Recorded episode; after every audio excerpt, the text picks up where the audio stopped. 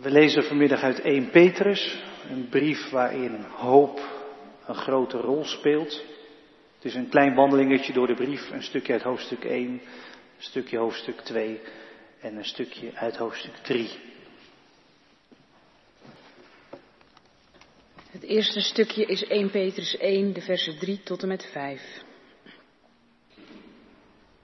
Geprezen zij de God en Vader van onze Heer Jezus Christus. In zijn grote barmhartigheid heeft Hij ons opnieuw geboren doen worden door de opstanding van Jezus Christus uit de dood, waardoor wij leven in hoop. Er wacht u, die door Gods kracht wordt beschermd, omdat u gelooft, in de hemel een onvergankelijke, ongerepte erfenis die nooit verwelkt. U ziet de redding tegemoet die aan het einde van de tijd zeker geopenbaard zal worden. Uit 1 Petrus 2 lezen we de versen 11 en 12.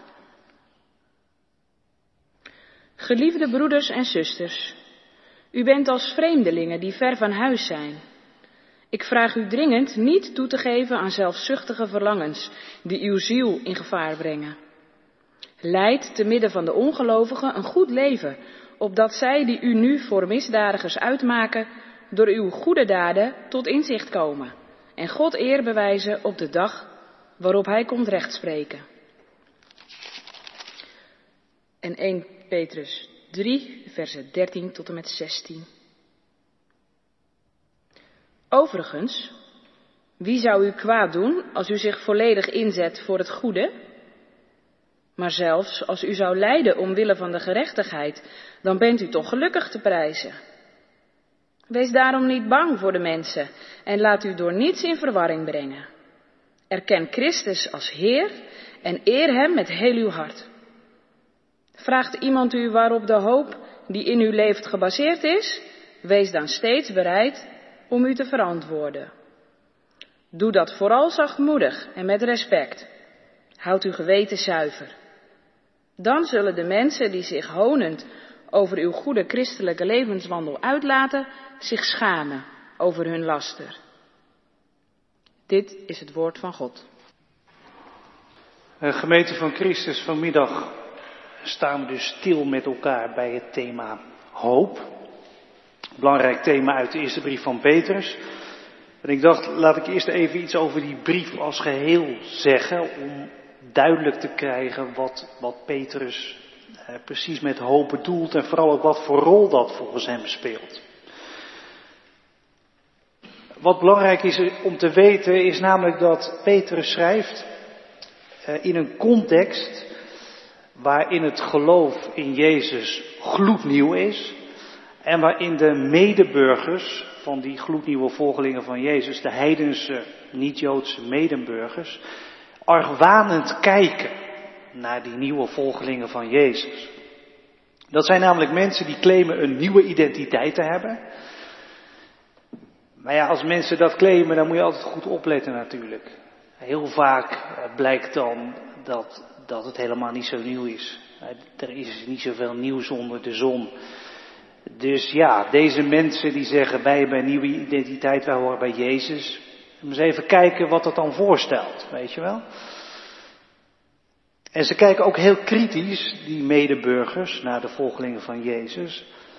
Omdat die volgelingen van Jezus ook met allerlei maatschappelijk religieuze dingen niet meer mee willen doen.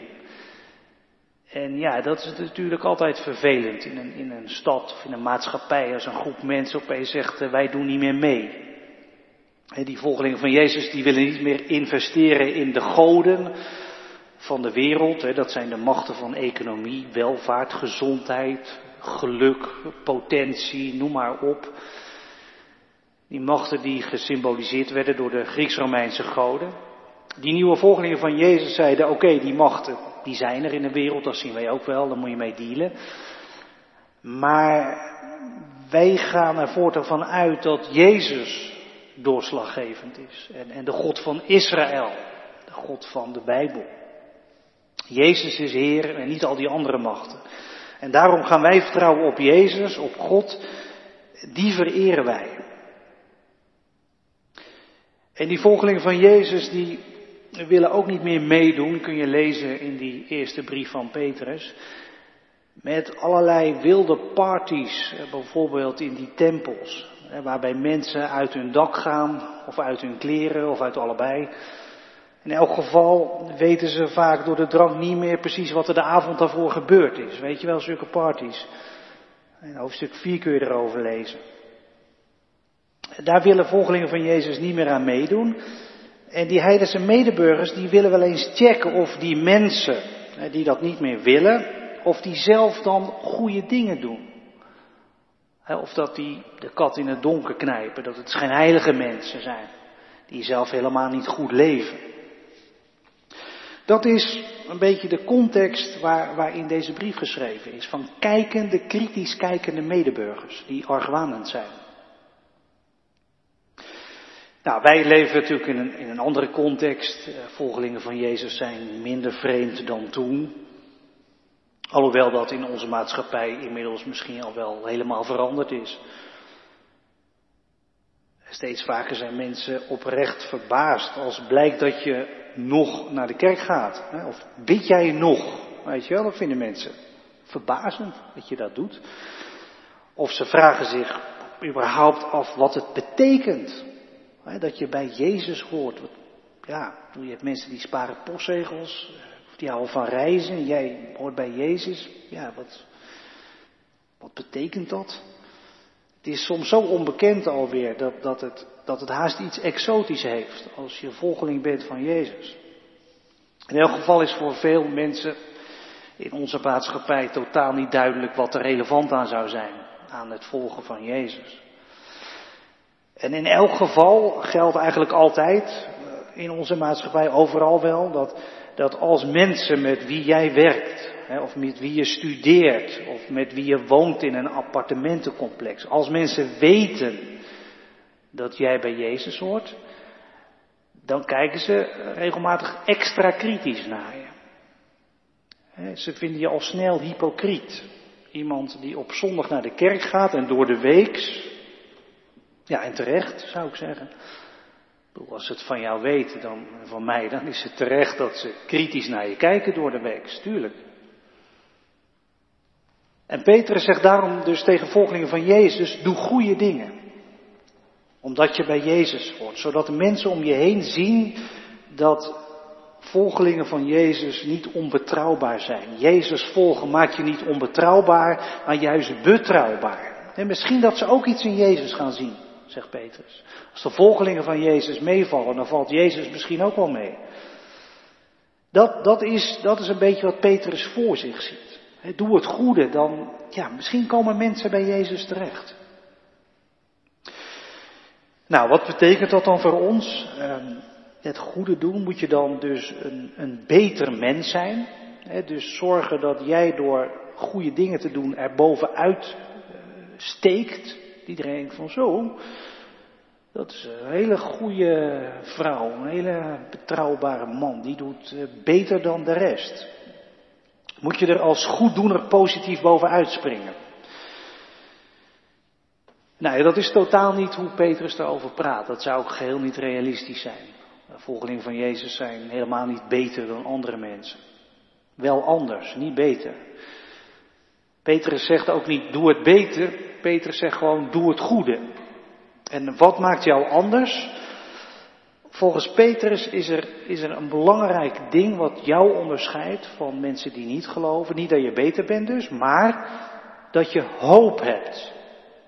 Kijk, en daarmee zijn we dus aangekomen uh, bij het thema van vanmiddag, hoop. Jij, u, volgeling van Jezus, wat jou onderscheidt van mensen die Jezus niet volgen, dat is hoop. Doe het goede, zegt Petrus, omdat je hoopvol bent, hoopvol leeft. Dus als volgeling van Jezus doe je het goede, omdat je van de hoop leeft dat het goede gaat winnen. En dat is, dat is ook wel logisch natuurlijk, of consequent. Als je hoopt dat het goede wint in deze wereld, dan doe je ook het goede. Je, je leeft van de hoop dat, dat Gods goedheid het gaat winnen. In je eigen leven. Van alles wat fout gaat en wat je fout doet. En dat Gods goedheid gaat winnen bij ons in de stad. En uh, in vluchtelingenkampen in Libië. Of uh, in Griekenland. Of waar dan ook. Hier komt Gods nieuwe wereld. Hier zal het goede van God winnen, dus doen wij het goede. Wij hopen op het goede, dus doen we het goede. Wij hopen op God. Uh,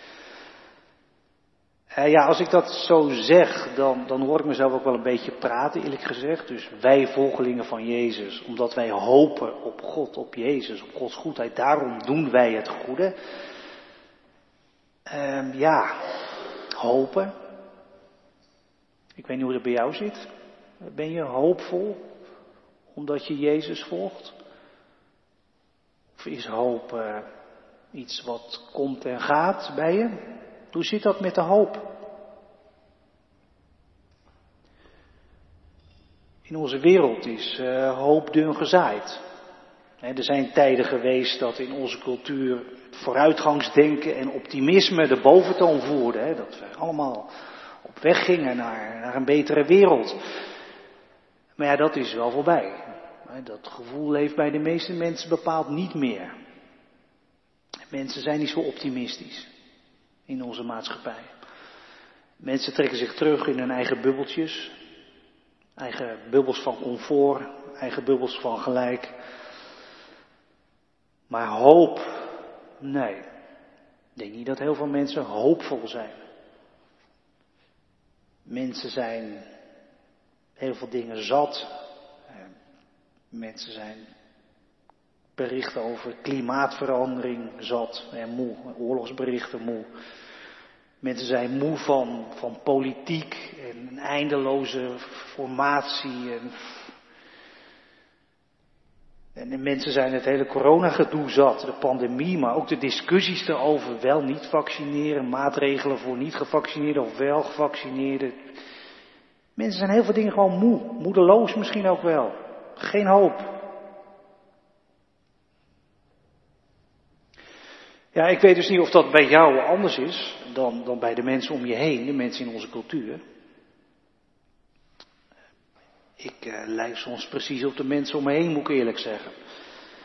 Dan ben ik de hoop ook verloren. Misschien heb jij dat ook wel. En wij zijn ook gewoon mensen van onze tijd en van onze cultuur. Dat is ook zo. Dat is ook zo. Maar dat je als volgeling van Jezus hoopvol mag en, hoopvol moet leven, dat betekent ook niet dat jij en ik één grote bonk hoop zijn hè, die over straat wandelt. Wij verliezen soms gewoon ook de hoop, tuurlijk. Maar wij weten wel waar we hoop moeten zoeken, toch? Dat, dat, is, dat is wat heel veel verschil maakt. Wij weten van een bron van hoop. Wij zoeken het bij Jezus. En dat is wat Petrus in die brief ook aan ons kwijt wil. En hij trekt alle registers open om, om ons daar vanmiddag weer van te overtuigen.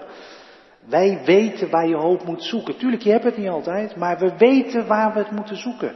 Bij Jezus. En Petrus ziet bij Jezus eigenlijk twee twee bronnen van hoop zou je kunnen zeggen, of twee dingen die, die de hoop telkens laten opbloeien.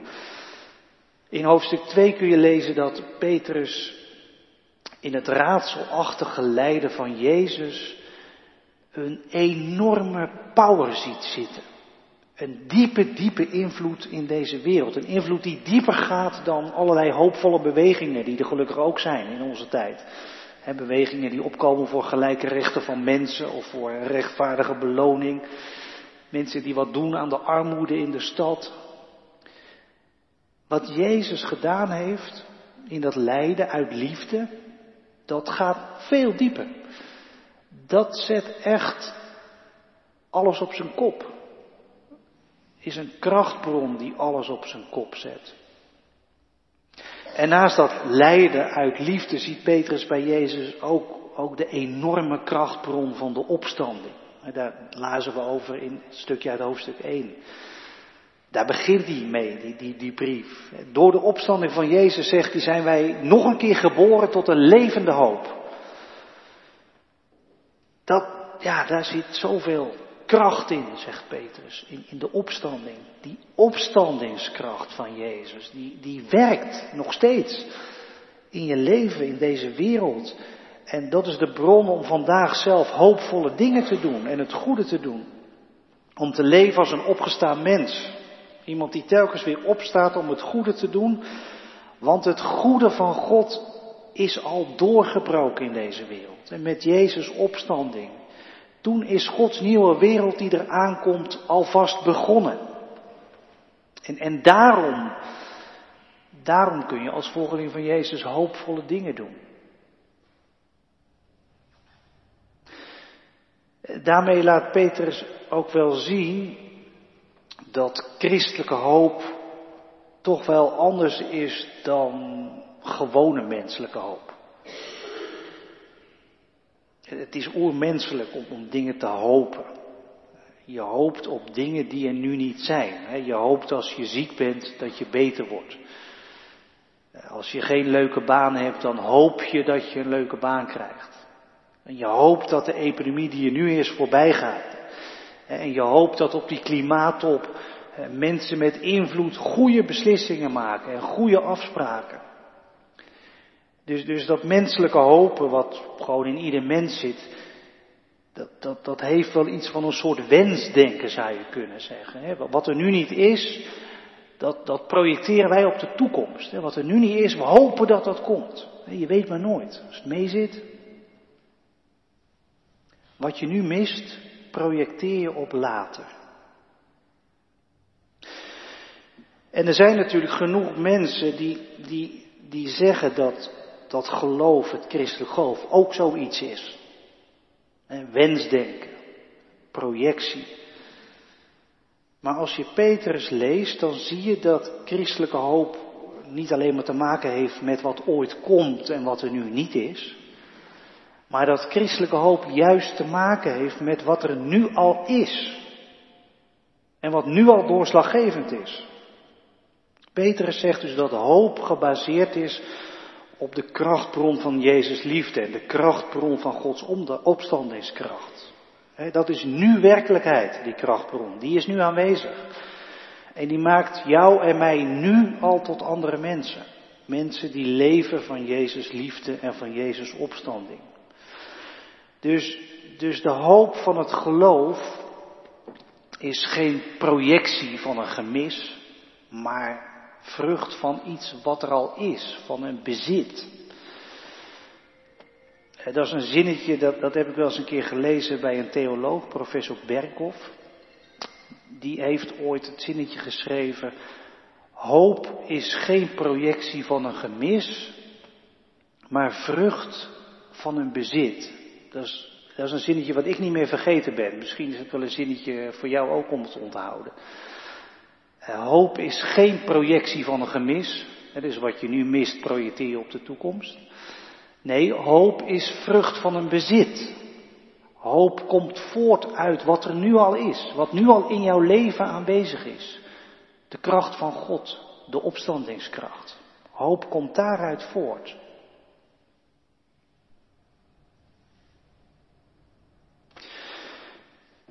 Wij zijn hele gewone mensjes. Daar ben ik altijd diep van overtuigd. En, en wij verliezen hoop dus regelmatig. Zeker. Maar als dat gebeurt, dan gaan wij weer op zoek. En je weet waar je dan heen moet. Je gaat naar Jezus. Je kijkt naar zijn kruis. Je ziet een liefde die, die zo, zo absurd ver gaat. Dat het je raakt en in beweging zet. Dat je, dat je denkt, dit is een krachtbron. Ongelooflijk. En als je de hoop verliest, dan ga je naar Jezus en je kijkt naar zijn lege graf en, je gelooft je ogen niet. Maar het begint van binnen wel iets te trillen. De hoop begint als een blaadje te ritselen in je ziel door het windje van de geest van God. En je denkt bij jezelf, als dat waar is, Jezus uit de dood opgestaan. Jezus bij wie ik hoor. Ja, daar kan ons nog heel wat te wachten staan. Dan kan God in deze wereld nog, nog, nog heel wat dingen gaan bereiken. Dan is er genoeg om te hopen. Dan kun je hoopvolle dingen doen. Ja, en dat is, dat is niet abstract hoor, hoopvolle dingen doen. Dat zijn eigenlijk hele concrete dingen. Elkaar een beetje genadig zijn. Dat is in onze maatschappij een groot goed, denk ik. Zoveel mensen die elkaar afbranden.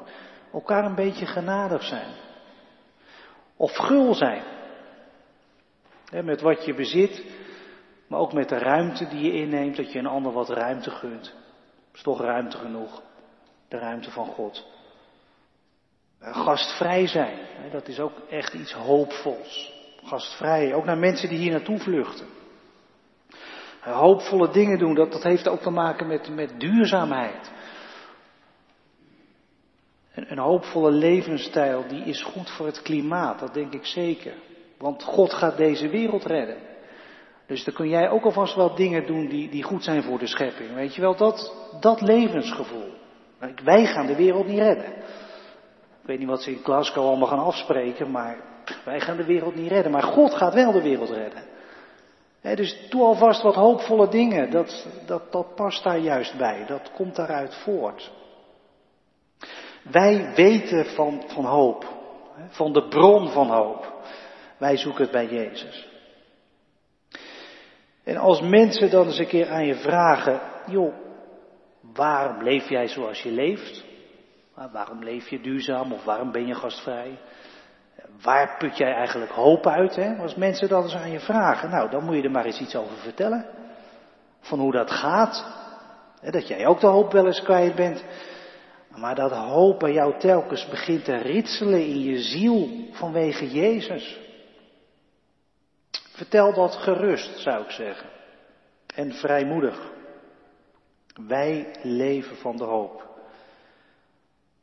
Want Jezus liefde die roept de hoop wakker. Altijd weer. Amen.